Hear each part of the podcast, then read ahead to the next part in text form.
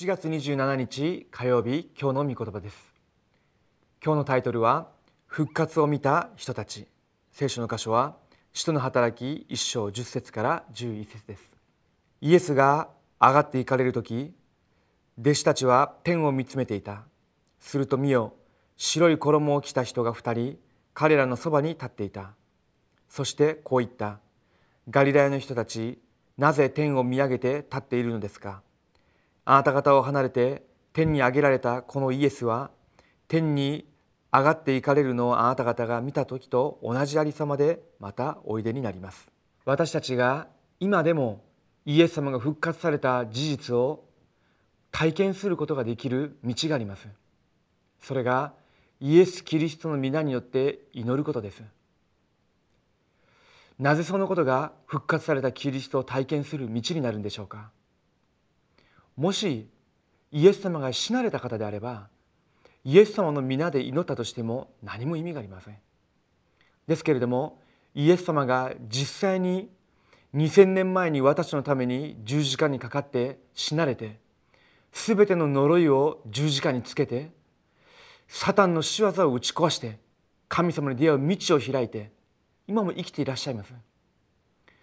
ですのでイエス様の皆を呼べば今でも主が精霊で働かれて復活されていらっしゃる事実を私たちに示されるということです。伝道運動も同様です。私がイエス・キリストの皆をもって祈るその時間に主が証拠を与えてくださって伝道の門が開かれるようになっています。今日も私たちがこの御言葉を握って祈る時間に私の現場に行ってみたらすでに復活されたキリストが働かれていらっしゃることを体験できるようになるはずです。今日の序文を一緒に読みたいと思います。イエス様が復活の初歩となられました。そして精霊で24時間私と共におられます。誰でもイエス・キリストの皆を呼びさえすればよいのです。復活された主の契約を握るなら驚くべき働きが始まります。そのためにいくつかのことを必ず確認しなければなりません。一つ目です。捨てなければならない不信仰。復活された主はこれ以上油を必要とされません。そのため主ご自身が墓に油を塗りに来た女たちにお会いになりました。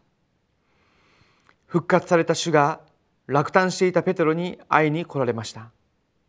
エマオという村に行く途中の弟子たちにも姿を現されました。疑うトマスにも現れテビリアの湖畔で疑った弟子と500人ほどの弟子たちに姿を現されました。復活された主が現れ彼らに契約をくださったのです。この契約を握り早く不信仰を捨てなければなりません。不信仰は捨てるほど働きが起きます。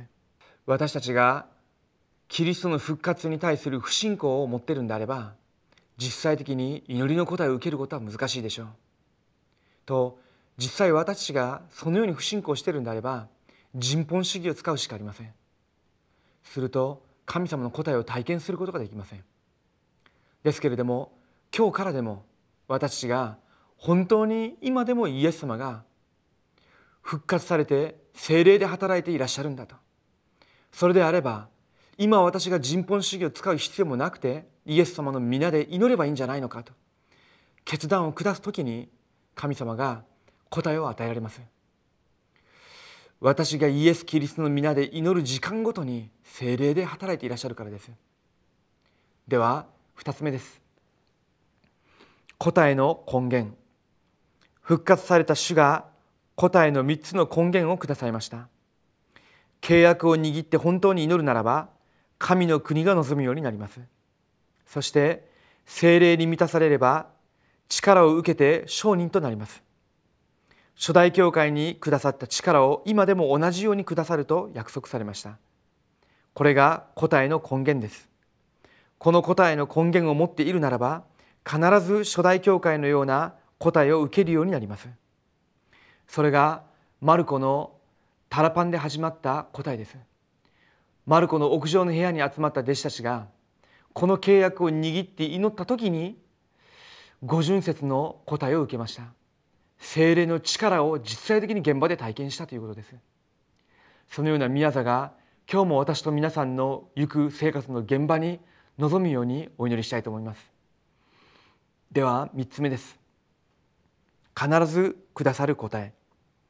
契約を握りひたすら祈りに専念するならば必ず答えが与えられるようになります。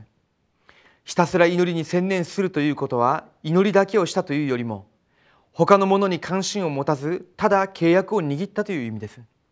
この時神の国が望み暗闇の勢力が打ち砕かれ五巡節の日にこの力が現れました。ステパノとパウロにもこの答えが与えられました。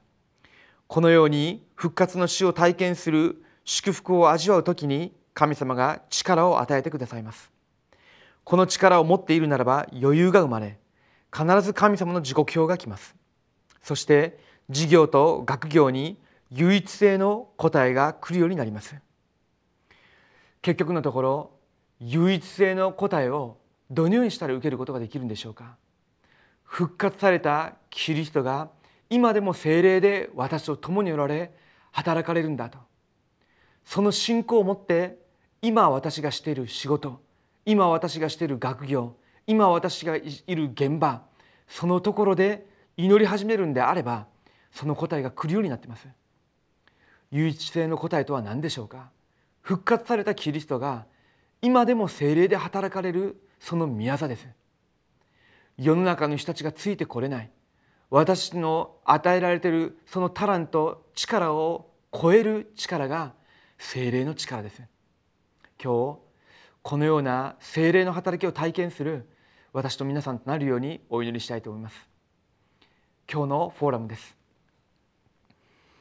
イエス様がくださった契約を握って祈るならばビジョンが見えて力を得ることができます。この力で事業を行い学業をするならば必ず答えが来ます。それでこの奥義を知っていた初代教会はひたすら祈りに専念しました。お祈りします。